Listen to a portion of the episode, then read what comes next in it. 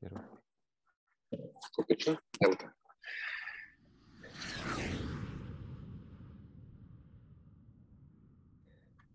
Sveiki visi, tinklaudės prisiskraidėm klausytojai, žiūrovai, klausinėtojai, mylėtojai ir visi kiti, kurie tiesiog su pavasariško, e, rudeniško, žiemiško ir vasariško visą energiją pradėjote mus plūsti, komentuoti, užplūdėte tinklavidę klausimais ir, ir reakcijom. Labai ačiū Jums už tai, kad klausėt, kad liekat aktyvus mūsų gerbėjai ir superfanai. Šiandien, šiandien grįžtame pas Jūs su jau aštuntąją Delta tinklavidę prisiskraidėm. Ir vėl trise Simonas Justinas ir aš Tomas. Sveiki, bičiuliai. Sveiki, gyvi. Labadiena. Kaip gyvenat? Keliaujat, nekeliaujat, žinau, Simonas keliauja turbūt lengvai kažkur visai netoli, Simonai papasakosi. Aš šitą, šitą, tinklaladę iš Lenkijos įrašinėjom iš mūsų gražiųjų istori, istorinių kaimynų ir broliškos tautos. Nes praeitoj tinklaladė apdainavom Lenkiją visai smagiai, Justino, Justino pagalba. Ir dabar Simonas visai ten ir beveik ten mačiau e, Twitterį pokštelį, nu medinis, bet e, klausė, per kiek laiko Suomiai užimtų Sankt Peterburgą. Tai atsakymas, Suomiai nespėtų užimti Sankt Peterburgą, nes Lenkai pirmiau užimtų. Tai. Štai taip. Na ką, o šiandien, kaip visada, prieš pradant, priminam jūs, kad prenumeruotumėt mūsų YouTube kanale, Spotify ir ten išgirstumėt mūsų pirmieji. Ir, ir šiandien pakalbėkim dviem temom. E, pradėkime nuo pirmosios, turbūt, kuri, kuri visai netikėtai praskrodė e, mūsų padangę, beveik ne mūsų, daugiau Latvijos padangę ir, ir įvykusi aviakatastrofa su keturiais žuvusiais keleiviais ir, ir, ir, ir ką žinom apie tai, ar nežinom, kad lėktuvas skrido iš Ispanijos į, į Vokietiją, žinome, kad radio ryšys ar ne buvo be prara, pradėjęs trūkti, trūkinėti ir prastėti jau virš Prancūzijos. Ir po poros posūgių lėktuvas nukrito Latvijos vandenyse, ar ne Latvijoje, Latvijoje netoli Latvijos, netoli Ventspilio. Ir um, ką žinau apie tai, ka, turbūt tai buvo toks krešas, kurį galėjom stebėti live, ar ne, beveik praktiškai gyvai. Ir, ir, ir ir kita vertus visai nedaug dėmesio kažkaip jis nuskambėjo, kad tai vyko visai netoli Lietuvos ir, ir, ir šiek tiek to dėmesio gal ir visai nebuvo tiek daug, ar ne? Pabandykime pagildenti, kas tai vyko, ar slėgis, ar sveikatos problemos, kas tai galėtų būti, gal klausytojai ne, ne tiek ir kėlė tų savo versijų ir analizavo. Ir, um, ir hipotetiškai šiek tiek, o gal ir visai realistiškai, kas tai būtų, jeigu tai būtų virš Lietuvos kokios būtų reakcijos, kokie būtų galimi veiksmai ir, ir kaip sako, niekada negali žinoti. Simonai, Justinai, kas norėtumėt? Kokias refleksijas jums sukėlė ir mintis? Aš tai gal turbūt, gal galvoju, turbūt jums reikia galbūt apie tą tokius bazinius dalykus, ar ne ką mes žinome apie, apie tą situaciją pakalbėti, nes, uh, nu, turbūt kaip ir pats pastebėjai, man galbūt mane kažkiek nustebino, kad visai mažai dėmesio susilaukė ir visuomenė, ir žiniasklaidoje visas šitas įvykis. Uh, jis per sekmadienį vakare vėlai, vėlai, vėlai vyko, tai aš kaip pirmą kartą tai pastebėjau socialiniuose tinkluose, nu tai kažkaip pagalvojau, kad nu, čia tikrai toks, e, tokia didelė nelaimė, didelė, didelė, didelė tragedija, kuri čia taip visai šalia mūsų. Bet kadangi tas lėktuvas e, privatus, e, teoriškai tas skrydis nebuvo komercinis, kitaip tariant, pilotavo lėktuvo savininkas su savo šeimos nariais, pagal tas bendrasis aviacijos taisyklės, nu, nors tai buvo reaktyvinis, reaktyvinis privatus lėktuvas, kaip ir, kaip ir, kaip ir nu, vis, viskom panašus į bet kokį turbūt komercinį, komercinį lėktuvą, tai, tai to dėmesio turbūt, turbūt kažkaip gavosi, kad netiek ir daug.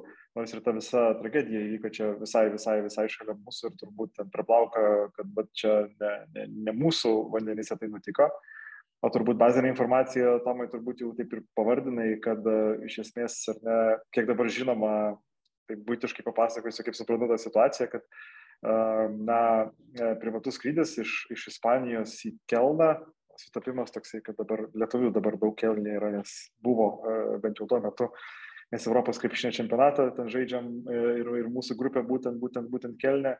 kiek yra žinoma bent jau iš Vokietijos spaudos, kad na, to lėktuvo savininkas dažnai kursuoja būtent to maršruto, nes turi savo, kaip sakykime, sodybėlę kažkur ten Ispanijoje ir, ir, ir kursuoja tarp, tarp, tarp Kelno ir, ir Ispanijos.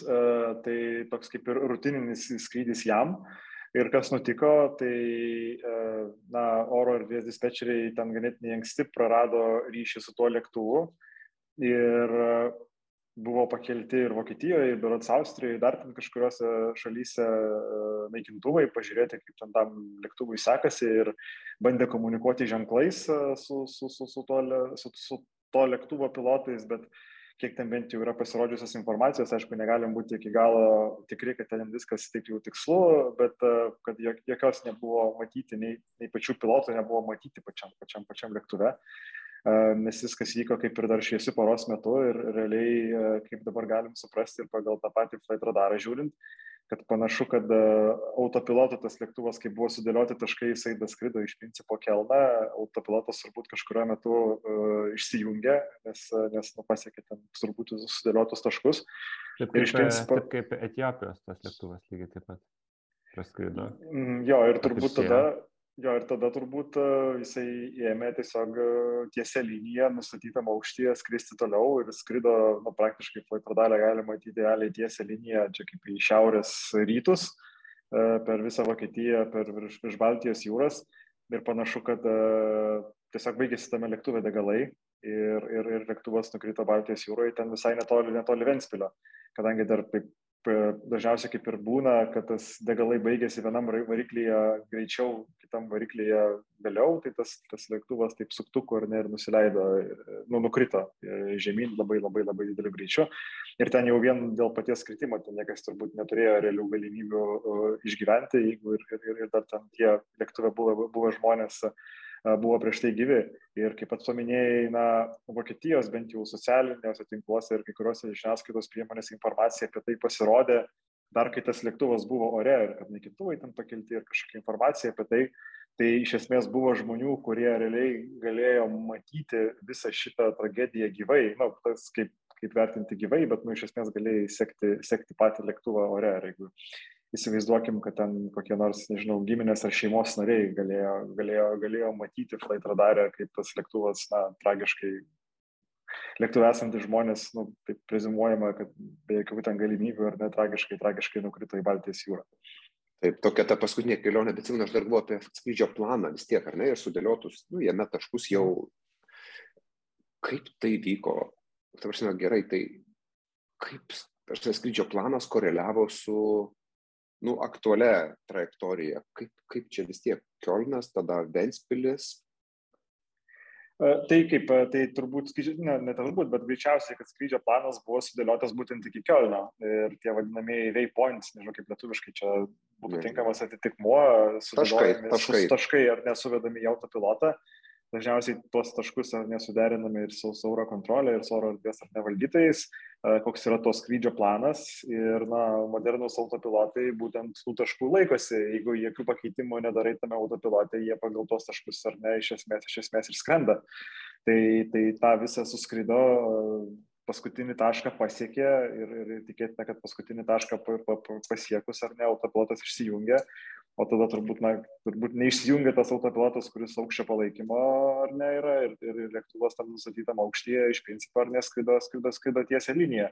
Čia su to pačiu autopilotu turbūt, jo, čia turbūt Vatiusinas gerai prisiminė uh, kažkokių tokių nu, panašumų ar ne apie autopiloto veikimą galim prisiminti su to istorijos su Etijopijos Ten ne Etiopijos iš tikrųjų, ten buvo kita, ten tik virš Adis Ababos buvo, man atrodo, ne? Ai, ga, ne, man atrodo, kad ten Etiopija Airlines, žinok, buvo, okay. uh, jo, iš, iš, iš, iš, iš kažkur tai skrido ir kur pilotai užmygo, ar ne, pačiam, pačiam, pačiam, pačiam lėktuve. Tai irgi kas įvyko, tai nu, lėktuvas buvo nustatytas vėlgi autopilotų skristi į tą Adis Abebą, tai jisai net ten nenusileido, bet praskrido tam kruiziniam aukščiai, ten beras 11 km aukštyje, būtent, būtent patį, patį Adis Abebos oro uostą ir tada pilotus pažadino realiai tas garsas, kuris signalizuoja pilotams, kad nu, autopilotas išsijungia ar ne, dabar jau jūs e, valdykit čia kažką. Tai kadangi tas garsas pakankamai įkyrus, kartais galima netgi e, lėktuvo salonę jį girdėti netgi ir, ir, ir, ir tam pačiam Boeing 737, jeigu sėdi pirmoje, antroje eilėje, kartais gali išgirsti iš kabinos tokį garsą, jis tikrai ganėtinai įkyrus, tai, tai, tai, tai tas pilotas tai tikrai sugebėjo, sugebėjo ir nepažadinti. Bet čia nu, kalbam dabar e, ne, ne, ne apie šitą ar ne istoriją, tai šito istorijoje nu, turbūt kažkas panašaus, ar ne autopilotas pasiekė savo galutinį kelionės tikslą ir tas lėktuvas toliau skrido nu, tiesiog tiesia linija, taip būtiškai ar ne pasakojant. Taip, taip gavosi, kad prieš tai turbūt, nu, prieš tai kokie taškai buvo, tai tai ta tiesi linija vat būtent ir gavosi tokių na žemėlapyje žiūrint ar ne kampu į šiaurės šiaurės rytus tai jisai ten taip vat skersai jau visos ten vokietijos praskrido ir ir ir paskui paskui virš baltijos jūros toliau skrido kol iš tikrųjų baigėsi baigėsi degalai čia dar galima vieną niuansą prisiminti ar ne kodėl kodėl uh, uh, būtent su skrydžio planu ar ne ir oro erdvės valytėms visada yra lėktuvams, uh, lėktuvai priduoda, kiek turi kūro pasikrovę. Uh, ir, ir, ir mačiau taip pačiai Vokietijos spaudoje, kuri daugiau galbūt nušvietė visus šitos įvykius, ten jau netgi iki galo buvo apskaičiuota, kad jeigu darant tokią prielaidą, kad tenais kažkas nutiko visiems žmonėms esantiems lėktuve ir, ir, ir, ir, ir, ir, ir tas lėktuvas tiesiog skrenda, taip vadinkim, nevaldomai pats ar ne, tai, tai, tai buvo apskaičiuota, kad ten vat, kažkur tai, ten buvo bendriau skaičiuojama, kad lik, tai, lik, lik, turėjo labiau Estiją pasiekti, bet, bet nu, ganėtinai tiksliai buvo nusatyta ta vieta, kur, kur, kur, kur, kur, tas, kur tam lėktuvui baigėsi būtent degalai. Tai labai pasisekė, kad e, ne, ta, tas maršrutas atsitiktinai išvengė Rusijos erdvės, nes čia turbūt taip lengvai būtų nesibaigę e, situacija, jeigu taip va, toks be jokio atsakymo paima ir virš Kioningo praskrenda. Ne? Ir žinai, kita, tęsiant tavo tą mintį apie tai, ką galėjo, kaip, kas galėjo, kas būtų, jeigu būtų. O jeigu tai Lietuva, ne vanduo. Kaip čia, kas čia būtų, tai gal reikėjo naikintuvai muštų, ta, ta prasme, kur čia ta visa moralė tada? Čia turbūt, čia turbūt galima apie moralinį būtent, būtent klausimą pas, pasakyti. Aišku, ta prasme, mūsų žemės gaublys yra labai labai didelis ir didžioji dalis jo yra vanduo. O jeigu tai nėra vanduo, tai visgi, jeigu taip žiūrėti ir nežemėlapį apgyvendintų, nu arba, kaip čia pavadinkim, tankiai apgyvendintų teritorijų mm. yra santykinai labai nedaug ir tikimybė, kad nu, sutapimų būtų tiek, kad nutiktų vat, būtent e, taip, kad ten virš kokio didesnio miesto, nu, yra labai nedidelė, ten turbūt, aš nežinau, vienas prie tūkstančio ar kažkas, kažkas, kažkas tai tokio turbūt, turbūt, turbūt gautasi. Bet e, aišku, čia turbūt vat, apie būtent e,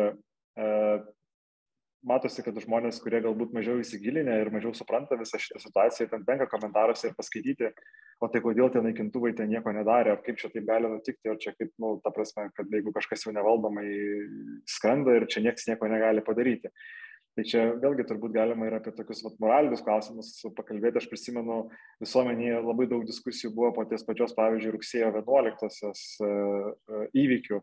Pavyzdžiui, ar ne, kaip spręsti tokį klausimą, įsivaizduokim, nu, vat, įsivaizduokim, kad panaši situacija, ir, ir tarkim, nu, apskaičiuokim, kad tas lėktuvas, pavyzdžiui, ten virš Rygos būtų baigėsi jam degalai ir ten suktukų trenkėsis kažkur ten Rygos centre ar kokiam Rygos gyvenamajam e, rajone. Ir žinant tokią informaciją, ar pavyzdžiui, na nežinau, reikėtų tą lėktuvą numušti, e, vadinkim, taip kariniam turbūt, e, kariniais kažkokiais, kažkokiais, kažkokiais tai ginklais.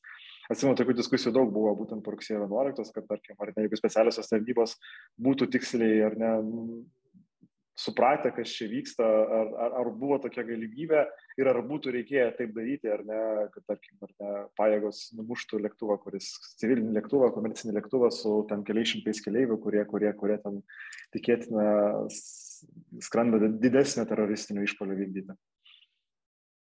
Bet čia nėra toks biški, kad nu, realybėje toks klausimas kyla taip retai ir taip tokiuose keistose vietose, kad čia tiesiog nu, komentatorių lygio diskusija yra, kad nu, labai faina hipotetiškai padėlioti, bet realiai tai nu, čia nėra e, klausimas, kurį realiai reikia spręsti.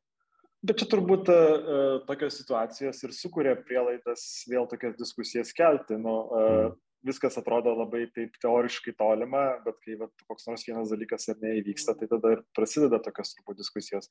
Mes čia vėlgi turbūt panašius moralinius klausimus uh, uh, galim pastebėti, tarkim, dabar uh, šituose savavaldžiuose automobiliuose ir jų vystimėsi visame. Uh, tai vat, mano, mano toks asmeninis turbūt labiau vertinimas, kad ten turbūt e, tie automobiliai turi daugiau tokių moralinių ir teisinių klausimų, kaip, kaip robotus programuoti, ne tiek ten techninių, kurie turbūt anksčiau ir vėliau ten idealiai galėtų būti, galėtų būti išsprendžiami, bet ten galbūt esat kažkas ir matę visokias užduotėlės e, internete, kažkas būna prikūręs, kad ten, nu, vat, jeigu autopilotas turi rinktis ar trenktis ten į, į, į stulpą ir užmušti visus keleivius, ar važiuoti ten per vaikų grupę, kurie eina per, per, per, per, per gatvę. Nu, tai tai, tai, tai, tai va, tokie klausimai nu, kyla ir jie iš vienos pusės labai tokie teoriniai ir hipotetiniai, bet, bet, bet kai tokie dalykai turbūt nutinka, tada nu, kyla klausimas, na, jeigu mes matom, kad nu, tokia rizika egzistuoja, kad jinai labai nedidelė, gal nu, turėtų, pat, pat nežinau, ar turėtų būti, pavyzdžiui, paskelbti sprendimai viešai, kad, nu, vat, jeigu tai būtų, tai tada bus taip, ar ne?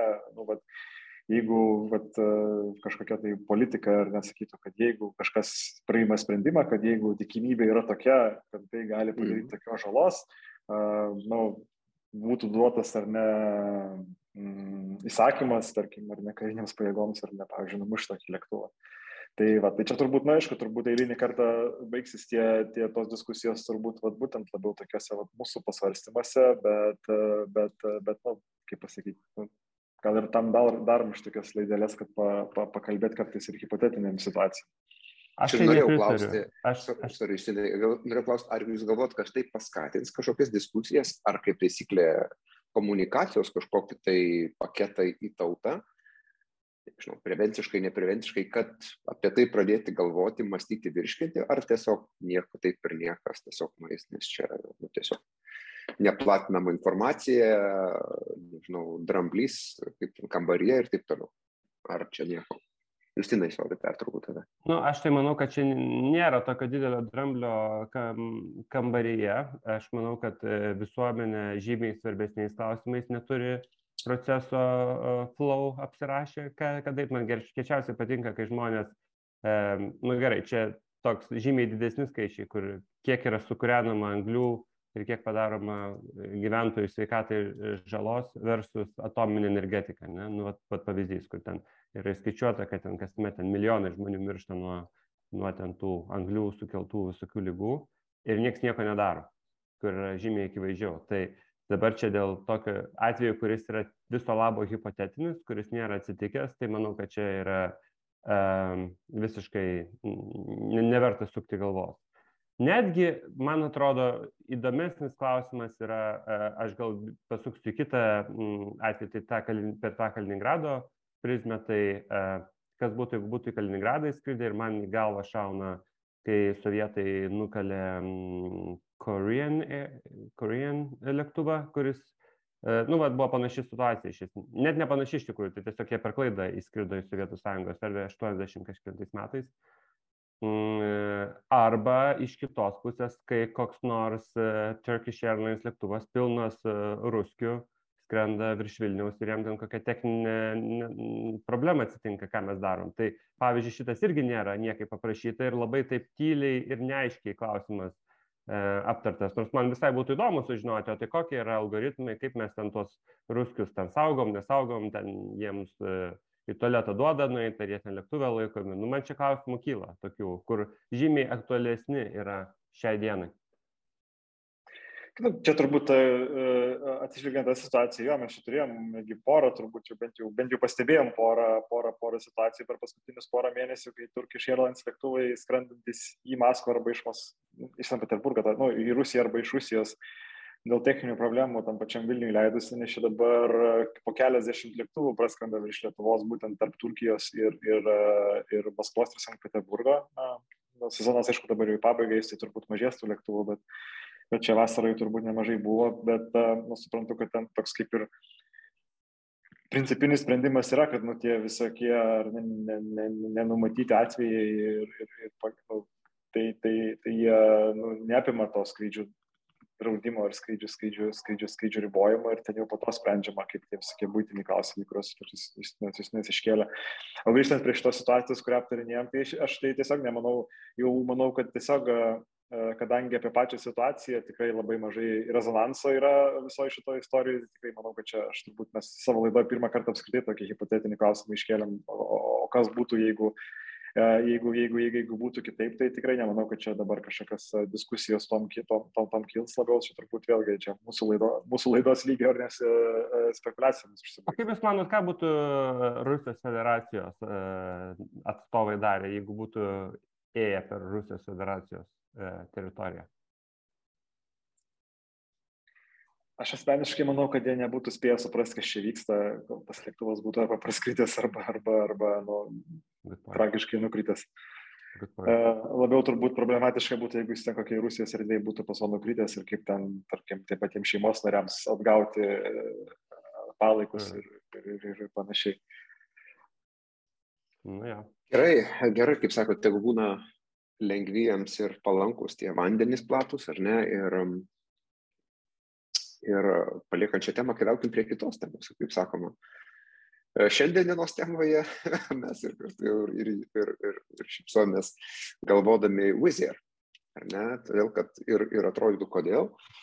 Ir, ir faktas dėl to, kad turime jos Vilniuje, dėl to, kad matėme, kaip jie atėjo ar ne, kaip kito jų skrydžių žemėlapis, kaip atsirado vieno, vienos ir kitos kryptis, uh, kaip, kaip, kaip jie aukos, augo, keitėsi, ir apskritai Vizer istorija yra arti mūsų, ar ne, ir, ir verta aptarimo, kas, kas vyko po to, baigiant tą dabartinę jų ekspansiją, į labai matomą, ar ne, į, į, į Arabų Emiratus ir, ir, ir kodėl ir panašiai. Tai gal pagalvokim, o galbūt kodėl pagalvosim kitų kampų, kodėl jiems taip nesiseka kovoti su Rainier. Yra tų kampų, Tai aš žinau, kad Justinas yra fanas e, šitos temos ir, e, ir visada yra linkęs e, pagrumoti, kai turi progos, arba, arba nebūtinai.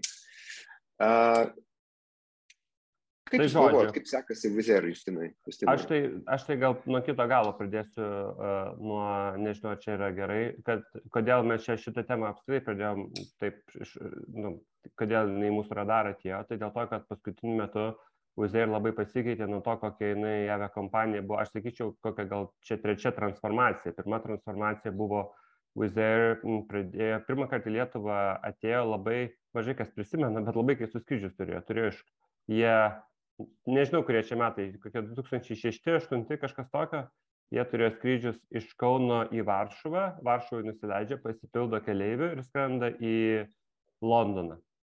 Ir jie darė tokius skrydžius, ten nežinau, metus, dviejus, e, tada išėjo iš Lietuvos, nu, čia nepasteisino toks modelis, ir tada po, čia jau 2010 turbūt buvo, tada kai jie jau po e, Vilniaus oro uosto to viso nukentėjimo per krizę, Lietuvos avialinijų užsilenkimo, ir tada jie atėjo į Vilnių ir jie tada pradėjo tokią didelę plėtrą visoje Europoje, jau tuo tokiu modeliu, sakykime, kopijuojant EasyJet ar Ryanair.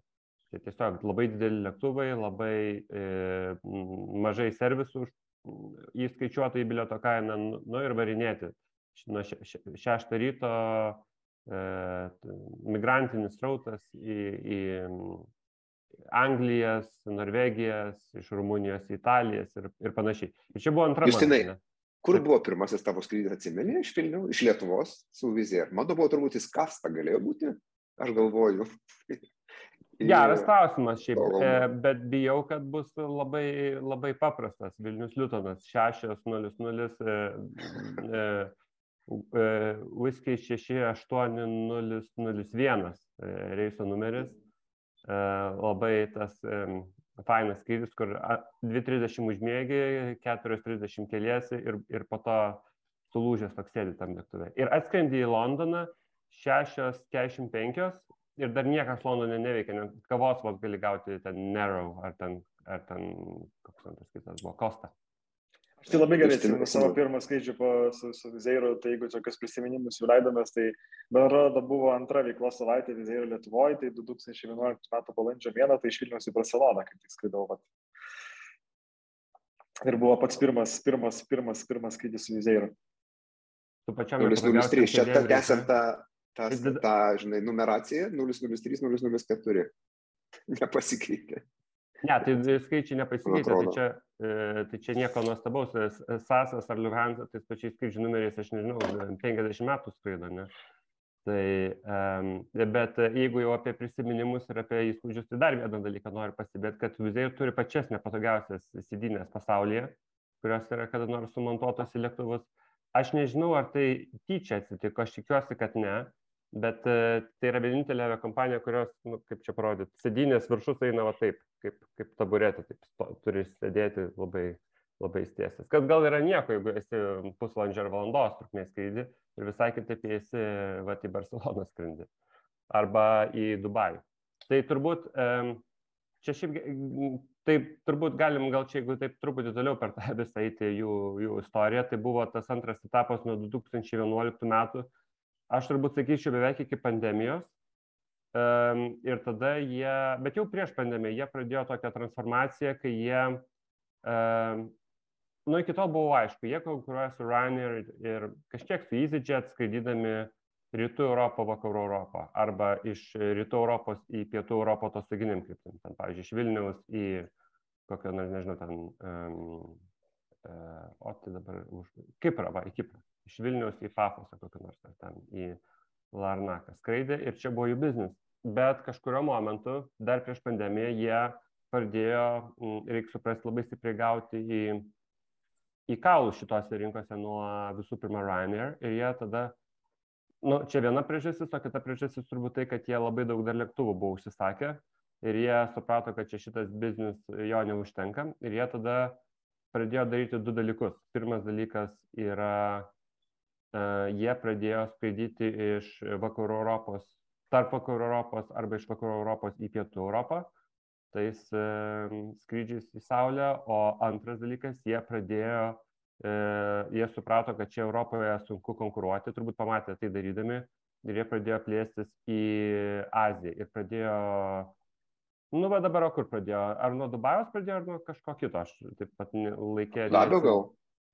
Nu, čia aš apie UAE, jo. Čia turbūt tai... bendrai, bendrai galima apibendrinant, kad, nu, ta prasme, taip pradėjo kažkur trauktis į rytus. Tai jeigu atsuksim laikrodį truputį atgal, tai ten jie, pavyzdžiui, ten tą patį Gruziją, kur tai jis irgi savo laiku atrodė, kad čia toksai didelis žingsnis. Kažkada tai ir Ukraina pirmi ten pradėjo dar 2012, kai ten irgi dar ta Ukraina atrodė tokia tolima ir, ir, ir, ir labiau, kaip pasakyti, dabar nu, Nu, tuo, tuo metu iš tikrųjų labiau atrodė rusiška šalis, dar ypatingai prieš pirmą, prieš, prieš Krymą už, už, už, užgrobimą, e, bet, nu, tokių žingsnių darė čia. Bendrinant, ką jūs nes ar nesako, kad turbūt uh, tas trečias jų transformacijos etapas buvo, kada jie iš tokio rytų Europos rainiero suprato, kad čia jiems vietos kažkaip nebeužtenka ir tada pradėjo du dalykus. Vienas dalykas plėstis į vakarų Europą ir eiti iš tikrųjų ant Rainiero ir ant EasyJet'o ir tuo pačiu metu uh, ieškoti naujų variantų uh, labiau į rytus. Tai ten prasidėjo nuo Ukrainos, Gruzijos, paskui ten tęsiasi jau rimčiau ar ne, ypatingai su tuo, kai paleido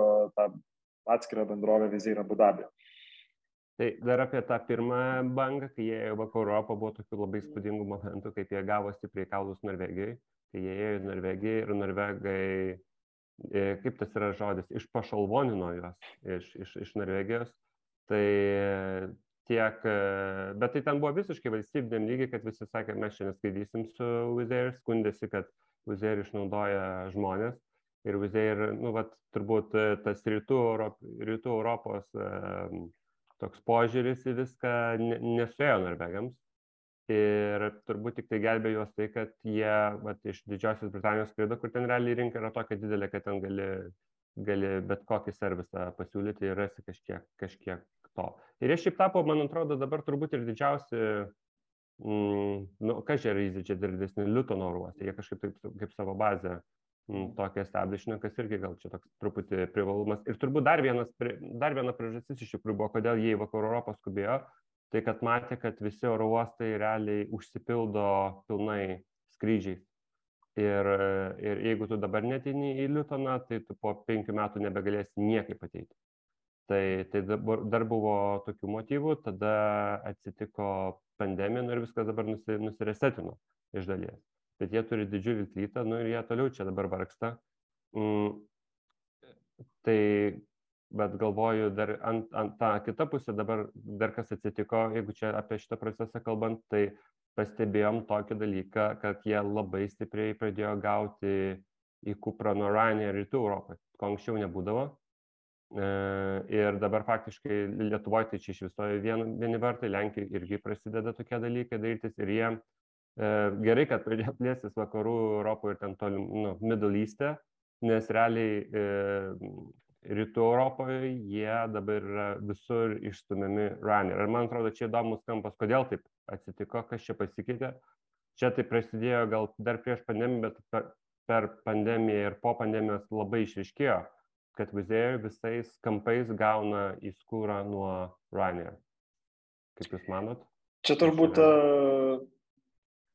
ane, atsiriamant, kodėl mes apskritai šitą temą šiandien pasėmėme, bet turbūt panagrinėti, tai turbūt atsispyrėme tai, kad uh, Vatisnas labai gražiai tas visus turbūt tokius tris uh, vizeiro veiklos raidos ar net etapus apibūdino, bet uh, ta turbūt trečiasis etapas, kai vadinkim taip, kai tas uh, rytų Europos rainieras pradėjo eiti į kairę ir į dešinę uh, žemėlapyje, tuo pačiu nelabai uh, gebėdami apsaugoti savo, kaip pasakyti, duoną ir sviestą rytų Europą. Uh, panašu, ar net tokie pirmi ženklai rodo, kad ta strategija na, neveikia iš finansinių duomenų. E, ir mes turbūt, nu, kodėl čia ėmė šitos temos kalbėti, tai turbūt nu, naujausias paskutinis tas ketvirtis, tas antras kalendorinis šių metų ketvirtis, kuris toksai turbūt yra pirmas po pandemijos, na vadinkim taip, daugiau mažiau normalus e, ketvirtis, kai jau, kai jau, kai jau ten tie ribojimai taip, taip, taip e, stipriai ar ne, nebeveikia, rodo, kad, na, skirtingai negu taip, sakykime, ar net trumpai apibūdinant uh, finansinius rezultatus, to ketvirčio, kad ten Rainieras truputį jau uždirbo pelno, uh, įsižėtas, sakykime, taip pradirbo, bet jau taip pradirbo santykinai nedaug, o, o Vizeiras ten labai stipriai pagal savo dydį ar nevaro, varo, varo į minusą kas na, duoda pagrindą galvoti, kad vat, būtent, būtent šita strategija neveikia. Uh, ir kur yra priežastis, kodėl jiems tas dalykas neveikia. Viena iš tų priežasčių, nu, tikėtina, yra tai, kad jie nesugeba apsaugoti vat, savo, savo, savo tos rytų e, Europos rinkos ir ne vienoje šalyje, netgi paimant tą pačią Lenkiją ir Vengriją ir, ir, ir, Baltijos šalis, e, Rainieras taip e, kaip mano vienas draugas šautautas Vytautui sako, tikiai, tikiai, dugnų, dugnų vis periminėje, ar ne, vieną po kito maršrutus, rinkas ir, ir, ir taip toliau. Bet tai tipo, o kokia yra nu, priežastis, kad čia taip tikiai, tikiai, dugnų, dugnų uh, Ryanair periminėje rinką? Nes lėktuvų tai netrūksta vizeiriui, įgulų netrūksta vizeiriui, ne? Sunku pasakyti iš tikrųjų ir aš, aš savo pavyzdžiui tokio atsakymo labai iškaus ar ne, na, neturiu, tarkim, mums labiausiai pažįstama ta pati Lietuva yra, bet matom, kad ten vienas po kito, jeigu ten Rainieras kažkur užatakuoja, tai, tai panažu vizeiras ten ir ima ir pasitraukia arba, arba, arba susimažina labai stipriai vienam ar kitam marš, maršrute. Aišku, čia yra turbūt tokie keli tokie minkšti dalykai, ar ne? Vienas dalykas, uh, visoj ar ne aviakompanijų tokioj ar ne pozicijų struktūroje vienoje ar kitoje rinkoje stipriai nurėmė ne įvaizdis ir ypatingai, kai abi aviakompanijos orientuojasi į tuos na, pigius bilietus, tai kuo tu daugiau skraidai, tuo tu automatiškai uh, turi daugiau tų pigių bilietų, kurie kuria tavo įvaizdį, kad tu esi labai pigus. Na, ką aš turiu menį, kad, nu, tiesiog, jeigu tu ten skraidai po šimtą skrydžių per savaitę, uh, akivaizdu, kad tu tiesiog žmonės labiau pamatys tavo tos bilietus po 9 eurus ar po 19 eurų, dėl to, kad nu, jų tiesiog bus daugiau, nes tu daugiau turėsi tų tokių neparduotų skrydžių, ar ne, jeigu tu ten skraidai 10 skrydžių į savaitę, tai, tai tiesiog žmonės ne, net nepastebi, kad tu ten kažkur pigiai pardavinėjai, vien, vien, vien, vien, vien, vien, brausindami, vien brausindami ir, ir, ir panašiai. Uh, Antras dalykas, kur ten jokių tyrimų nesumatęs ir net nežinau, ar kažkas tą, tą patį daro, ta, ta pat tokia pati, na, brando žinomumas taip pačioj, taip pačioj, taip pačioj rinkoje. Matom, kad Vizeiras savo laiku, kai atėjo į Lietuvą, jie šitai ganėtinai aktyviai dirbo ir, ir, ir atrodė, kad nu, jie tikrai taip stipriai yra įsitvirtinę žmonių ar ne galvose. Uh, bet dabar nu, toks jausmas, kad nu, nemažai žmonių tiesiog, e, kai reikia kažkur nuskristi, kažkur ten pigiai ieško arba na, turi idėją, reikia panaršyti, kur čia pigiai galima nuskristi, tai eina į rainier.com ir ten, ten, ten, ten, ten, ten kažko, tai, kažko tai ieško. Dar kitas turbūt pastebėjimas, kad paties to tokio agresyvumo iš to paties Vizeiro nebeliko lyginant su kokiais nors 15 metais, kai jie, nu, iš tikrųjų pakankamai, na, stipriai plėtėsi, kiekvieną tą poziciją ir negynė, e, dėjo kažkokias pastangas tos produktus e, tobulinti, ten prisiminkime tą patį Londoną, Lutoną, ten turėjo ir tų skrydžių du kartus per dieną iš Vilniaus e, ryte vakare, kas ten turbūt leisdavo kažkokiu tai papildomu, papildomu keliaivių pritraukti dabar toks atrodo kažkokias tai pasimetimas ir kartais nu, tie tokie jų produktai sukūrėmi, nu, tokie jau tampa, tampa labai, labai, labai atsitiktiniai. Tai jie ten uždaro kažką, tai ten atidaro kažką, tai aišku, negali čia sakyti, kad jie labai jau stipriai skiriasi nuo Rainiero, bet vis dėlto atrodo, kad kažkiek, tai, kažkiek tai šitoje vietoje ar ne uh, skiriasi kad ir, ir tie patys skrydžio atšaukimai kažkokie, tai turiu menį net ne, ne tie operaciniai atšaukimai, kad ten jie nepatikimi būtų, manau, atrodo, kad viskas su jais yra gerai, nu, kiek, kiek gerai turbūt gali būti. Pakankamai ten jie punktualiai skraido, bet nuo to tokio tvarkaraščio, nuolatinio keitimo, nepastovumo, kažkokie maršrutai atsidaro, kažkokie vėl užsidaro. Atrodo, kad atrodo taip yra daug ir turbūt na, tam tikrą pasitikėjimą, pasitikėjimą šitoje šito, šito vietoje na, nukerta tais pačiais keliaiviais. O jie buvo pirmieji, kurie įvedė um, mažą bagažą, nu tą, kuris Ryanair visą laiką buvo neliečiamas, uh, tas carry-on bagažas, jie pirmieji apmokestino, jeigu aš gerai pamenu, ne?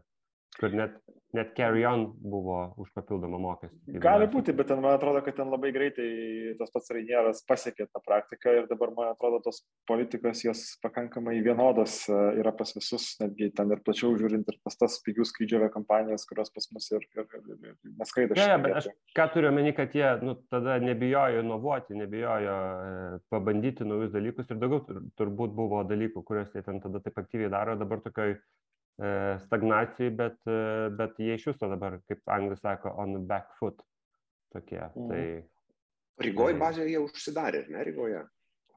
Jo, jie užsidarė tą bazę prieitų metų, prieitų metų spalio mėnesį. Uh, uždarė bazę Rygoje, kas yra, na, toks irgi dar vienas žingsnis, kad atrodo, kad, nu, ne, neparodė kažkokio noro ginti, kad čia, nu, maždaug Baltijos šalis čia mūsų rinka ir, ir, ir, ir, ir, ir uh, aš atsimenu, kai ten to pačioje aviacijos industrijai labai dažnai konsultantai, kaip sako, bet čia turbūt kiekvienam verslui galioja.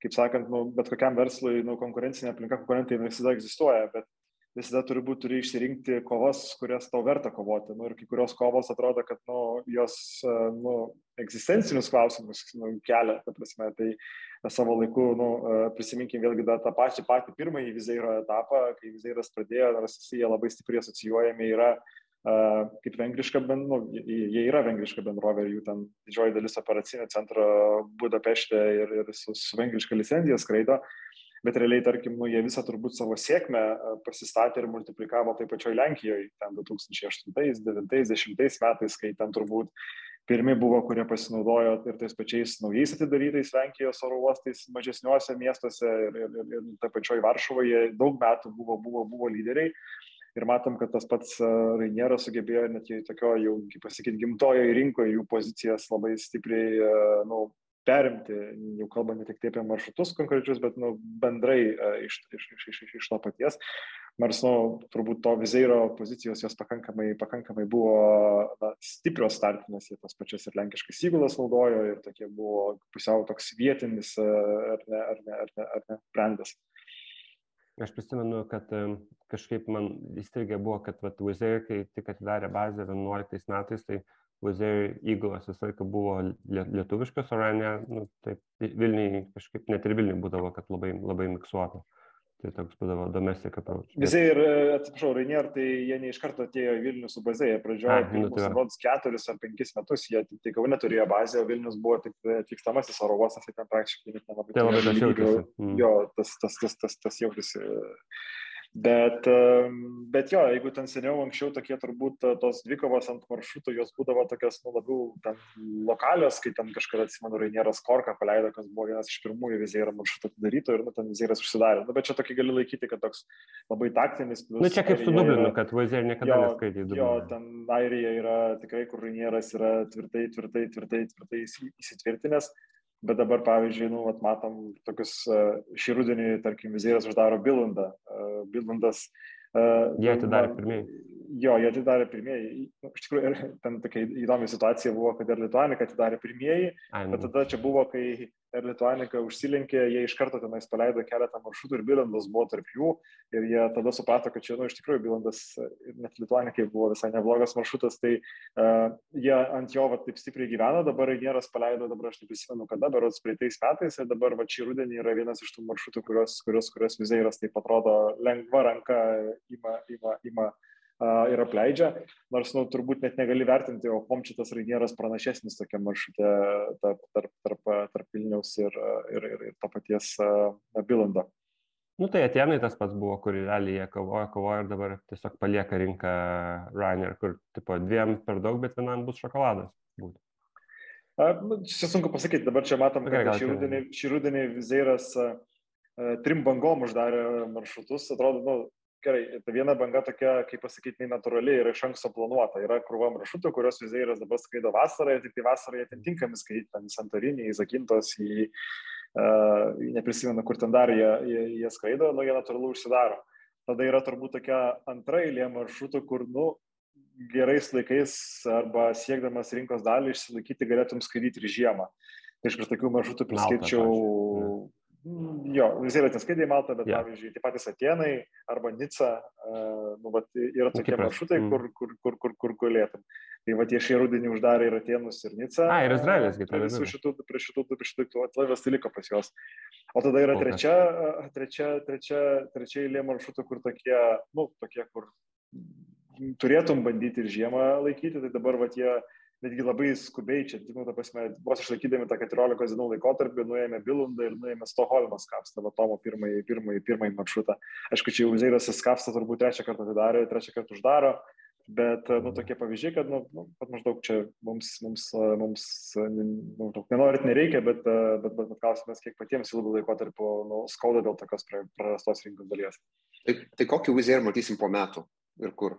Tai žiūrėkit, bet man atrodo, dar mes vieną temą turim aptarti. Tai nu, čia gerai, tai jie dalį, kai numinėjo, jie deda į Albanijos ir Bosnijos, kur ten ta rinkos dalis auga vis dar.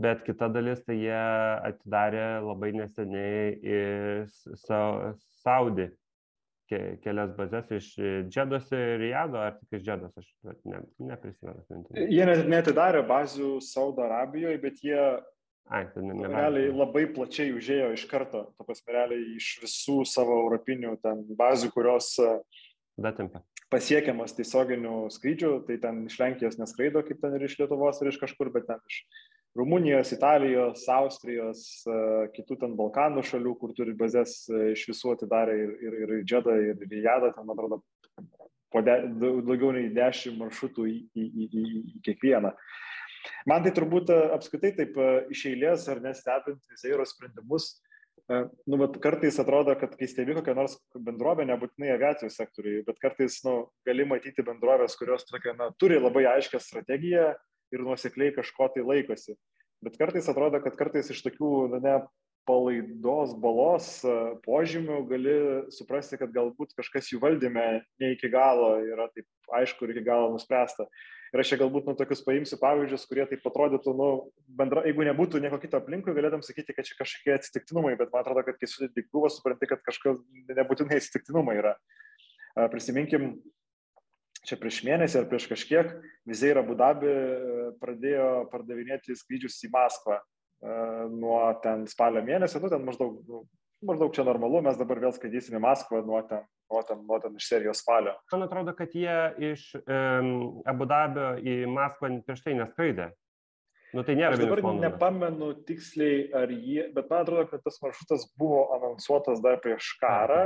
Tai neprisimenu, ar jis buvo prasidėjęs ar ne, nes nu, ten turbūt e, mhm. jau prieš karą Rusijos pradėta, ten nu, yra Emiratai pakankamai tas jo. Uh, Ir, ir nu, jie taip priima tokį sprendimą, kad nu, čia, nu, tipo, maždaug normalu, ES bendrovėmis draudžiama į Rusiją skraidyti, bet čia kadangi teisiškai galima, nes yra atskira bendrovė, jungtinėse Arabamatas, jie paleis į Maskvą. Tada sulaukė, nu, natūralu, kad sulaukė rimto nu, skatinimo boikotais ir pasipiktinimo ten socialiniuose tinkluose ir panašiai. Gal tris savaitės laikėsi, kad ne, čia viskas normaliai, tada po trijų savaičių greitai nusprendė, ai, nu jo, čia gal nenormaliai, reikia nuimti. Be jokių kažkokių papildomų komentarų vėl tą maršrutą, kaip pasakyti, atsijęs. Dėl operacinių priežasčių, ne? tas toksai. Jie net nekomentavo nieko ir netgi ten aš mačiau, kad ten Twitter'yje, kas ten juos tagina, ten maždaug atrašė, nu, ten tokį labai jau neutralų klausimą, kad čia mūsų maršrutų tinklas nuolat keičiasi nu, iš, iš, iš, iš tos serijos, ar ne, vienas, vienas dalykas. Prisiminkim kitą situaciją, dabar aš galvoju, čia balandį buvo ar gegužės mėnesį, kai tas pats jų generalinis direktorius e, buvo nulykintas e, filmas, kurį jisai išplatino visiems darbuotojams, e, sakydamas, kad aviakompanija užsilenks, jeigu pilotai toliau taip skūsis nuovargiu. Nu, kas irgi E, nu, galėtum sakyti, kad čia kažkoks tai nu, sabotažas darbuotojų, kad kažkas lygina tam tos dalykus, bet kai ten į krūvą supranti, kad, kad, kad kažkas čia gal ne iki galo taip. Matom, ne vienas e, top, e, top lygio vadovas pas juos čia keitėsi ir, ir, ir CFO, man mačiau, deseniai pasikeitė ir dar ten ne vienas toksai, toksai, toksai pokytis šitoje šitoj vietoje buvo. Tai man atrodo, kad nu, tokie uh, sprendimai, kur tokie kažką nusprendžia, padaro, paskui persigalvoja, vėl nuima, nu, kažkokie tokie rodo visą tą tokį nu, identitetą, tokį trūkumą. Ir aišku, nu, akivaizdu, kad uh, turbūt ir patys mato, kad uh, nu, tas jų strateginė, dabartinė jų strategija ne iki galo veikia ir bando ieškoti kažkokių tai sprendimų, bet nu, kartais turbūt klausimas yra, ar nereikia jiems naujos strategijos uh, ieškoti ir galvoti, koks čia yra jų, jų toksai galutinis tikslas, nes, uh, kaip jūs irgi paminėjo, ką jie turi, ar ne, jie turi didžiulį lėktuvų užsakymą, kuris jų laukia ir Airbusas Tulūzai ten juos yra nusiteikęs kepti. Ir jie kaip yra užprogramavę savo save augimui kas netgi... Ir A321, tai yra dar didesni lėktuvai negu... Jo, būtent A321 Neo lėktuvai su ten jų konfiguracija 239 vietom, kas, sakytum, dabar šitoj augančioj rinkoje netgi jiems yra privalumas, nes jeigu taip žiūrėti ant popieriaus, mm. Rainieras artėja prie tų lubų uh, savo, savo galimos plėtros, nes panašu, kad, na, nu, aišku, čia visada nesutarimas yra abipusė gatvė, bet, na, nu, matosi, kad akivaizdu, kad Boeingas jiems jau taip pigiai parduotų lėktuvų nelabai, nelabai, nelabai ir nori, o jie užsispyrę irgi nenori jų ten brangiau, brangiau pirkti. Bet kažkada tai nu, gali pasiekti tas, e, net ne kažkada, bet čia, nu, ten jie berots tik tai tų maksų dar ten turi apie šimtą užsisakę, kurių dar nėra gavę, tai kas, nu, čia 2-3 metai ir baigsis, o matosi, kad ten ir to paties Airbuso ir, ir, ir, ir, ir, ir, ir, ir Boeing 737 gamybos linijos pakankamai užpildytos ir jeigu čia iš tikrųjų tas atsigavimas šią vasarą nebuvo laikinas dalykas, tai, tai nu, gali būti rimtas ribojimas tai pačiai plėtrai, kas negrėsia vizėjui, kurie ten turi šimtus uh, užsakytų lėktuvų dėka savo, savo vieno iš investuotojų Indigo partnerius, kurie ten pirko kelioms savo kompanijoms per, per visą pasaulį. Uh, vienu metu tas pats didžiatas irgi nu, neturi kažkokių didelių lėktuvų užsakymų ir, net ne, ir dabar net nebeaišku, kaip vertinti šitą dalyką, ar čia yra privalumas jiems, ar, ar, ar, trūkumas, nes atrodo su tais, va, tais e, identiteto problemomis ir, ir strateginėmis problemomis, kur iš tikrųjų tos lėktuvus jiems reikės padėti. Uh, po, po, po, po, po keliasdešimt naujų lėktuvų kiekvienais metais ateina uh, neišvengiamai ir nuo jos reikės kažkur tai, kažkur tai dėti.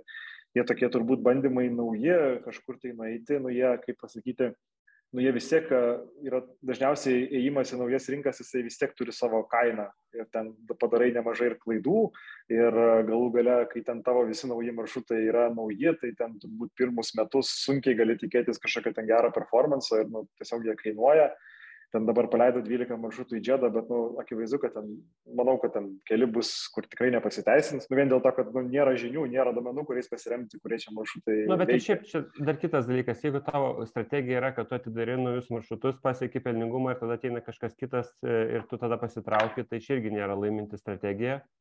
E, e, tai čia tų rinkų naujų nu, ne, nebus. Ir kitas klausimas, o tai gerai, ar tikrai Uzer yra geriausias turi geriausią know-how, kaip e, būti pelningiam e, Saudo Arabijoje ar UAE ar Kazakstane, kurie ten yra. Tai čia irgi man kelia labai daug. Nu, tam prasme, čia neįrodytas konceptas iš viso yra. Taip, taip, taip čia būtent ne, ne, tikrai, tikrai, tikrai nėra duotybė, kad, kad jie tenais bus sėkmingi vien dėl to, kad ten nieko kito nėra. Kartais netgi kaip tik, o, jeigu kažkokį verslą sugalvoja arba kokia idėja kyla, pirmiausia, kel klausimą, kodėl niekas iki tavęs to nedarė. Galbūt ten tiesiog nieko, nieko nėra. Galų galę, ta prasme, apsisukime ir į kitą pusę jų, ir į bandymus į pačioje vakarų Europai, kurie irgi dar tokie, nu, ne iki galo, ar ne?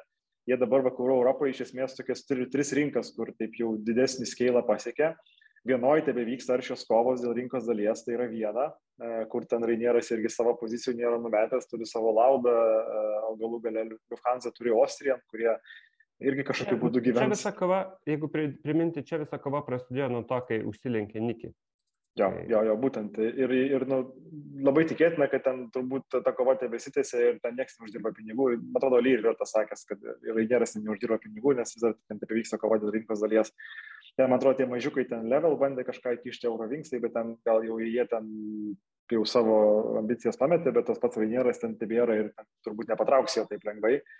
Kita rinka irgi jau, kurią pakalbėjom, yra Junktinė karalystė kur nu jo iš tikrųjų labai labai didžiulė rinka labai ten daug žmonių norinčių keliauti tiek į rytų europą tiek į ten tuos pietų pietų pietų kurortus bet nu iš tiesų klausimas ar tu nepasiekęs ten didelio skeilo ten gali būti pakankamai matomas ir, ir, ir uždirbti matosi kad ten jie tam pačiam Doncasterį turėjo susivinioti meškerės atgal, nes matė, kad ten tiesiog tokios dalies rinkos nėra. Dabar ten bando Getvikė užsiminėti slotus, kas kaip ir logiškai skamba, bet toks atrodo nu, irgi nepatvirtinta, ar čia tikrai veikia. Be Junktinės karalystės turbūt trečia rinka, kurią turi, tai yra Italija, e, kur, kur, kur, kur vėlgi ten iki galo neaišku, kas tenais bus. Rainieras yra by far ten dabar didžiausias, didžiausias vežėjas Italijoje jau keli, keli, keli, keli metai. Jie ten bando kažkur ten būti. EasyJet tai irgi yra viena svarbiausių rinkų, kurios irgi ten turbūt jie ne, ne, nepaliks.